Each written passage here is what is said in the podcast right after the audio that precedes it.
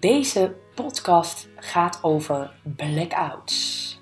Nou ja, een grote angst van veel mensen. Je staat op een podium, je hebt je goed voorbereid en dan ineens piep. Je weet niet meer wat je wilde gaan zeggen. Nou, het kan iedereen overkomen. Het is mij heel vaak eigenlijk overkomen. En omdat ik me er niet echt druk om maak, dan ja, zakt het eigenlijk gewoon vanzelf weer weg. Maar er zijn wel een paar tips hoe je daarmee kan omgaan. Het allerbelangrijkste is eigenlijk dat je zowel voor als tijdens je presentatie wilt bewegen. Om een blackout te voorkomen uh, is het van belang dat je voor je presentatie eigenlijk die spanning loost. Dus je wil dat die spanning niet erg oploopt.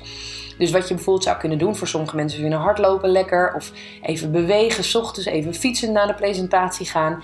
Of even, ik heb wel eens iemand die was zo gespannen, heb ik de trap op en neer laten lopen. Om even dat lijf aan het werk te zetten. Want op het moment dat je je fysiek aanspant, dan mentaal ontspan je. Dus dat is een goede om te onthouden. Stel je staat in de coulisses en je voelt die spanning opkomen en je denkt, oh god, dan is het ook goed om even dat lijf een beetje los te schudden. Ehm, de schouders op te trekken, even gekke bekken te trekken en even die spanning eigenlijk los te laten. Nou, dat kan je allemaal eh, doen zeg maar in de voorbereiding. Op het moment dat je op het podium staat en je bent bezig en in één keer krijg je een blackout, dus echt, je weet het echt niet meer. Eerste tip is, ga bewegen.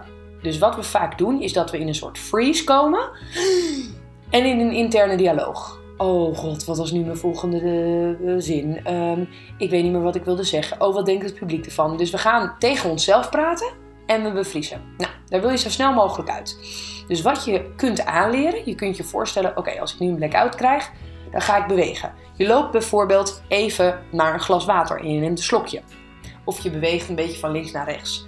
Oogbewegen is ook goed, want vaak bevriezen we als we een blackout krijgen. Dus kijk even van links naar rechts.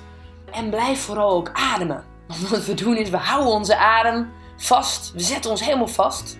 Maar ontspan.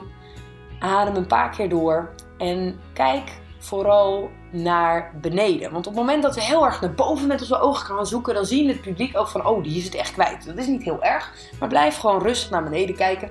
Dan kom je ook nog eens intelligent over, want dan denkt die persoon, nou, het publiek denkt ook van, nou, die is er even goed over aan nadenken. En wat je altijd nog kan doen, is dat je bijvoorbeeld als een soort van eh, noodlijn uh, je publiek inzet. Dat je vraagt van, uh, waar was ik ook alweer? Ik heb het ook wel eens gedaan bij een training. Ik wist het echt niet meer. En ik zei toen tegen iemand, waar was ik ook alweer? En toen zei die persoon, ja, je legde dat en dat uit. En toen zei ik, nou dankjewel. En toen ging ik gewoon weer verder. Dus er was helemaal niks aan de hand. En toen vertelde ik aan die groep later, joh, ik had toen een blackout. En zij had het nog ineens doorgehad. Ze zeiden, ja, je was het toch even kwijt? Ik zeg, ja, het was echt een blackout. Maar als je maar ontspannen blijft, blijft ademen, blijft bewegen en eventueel hulp durft in te roepen, dan komt het allemaal goed. Succes!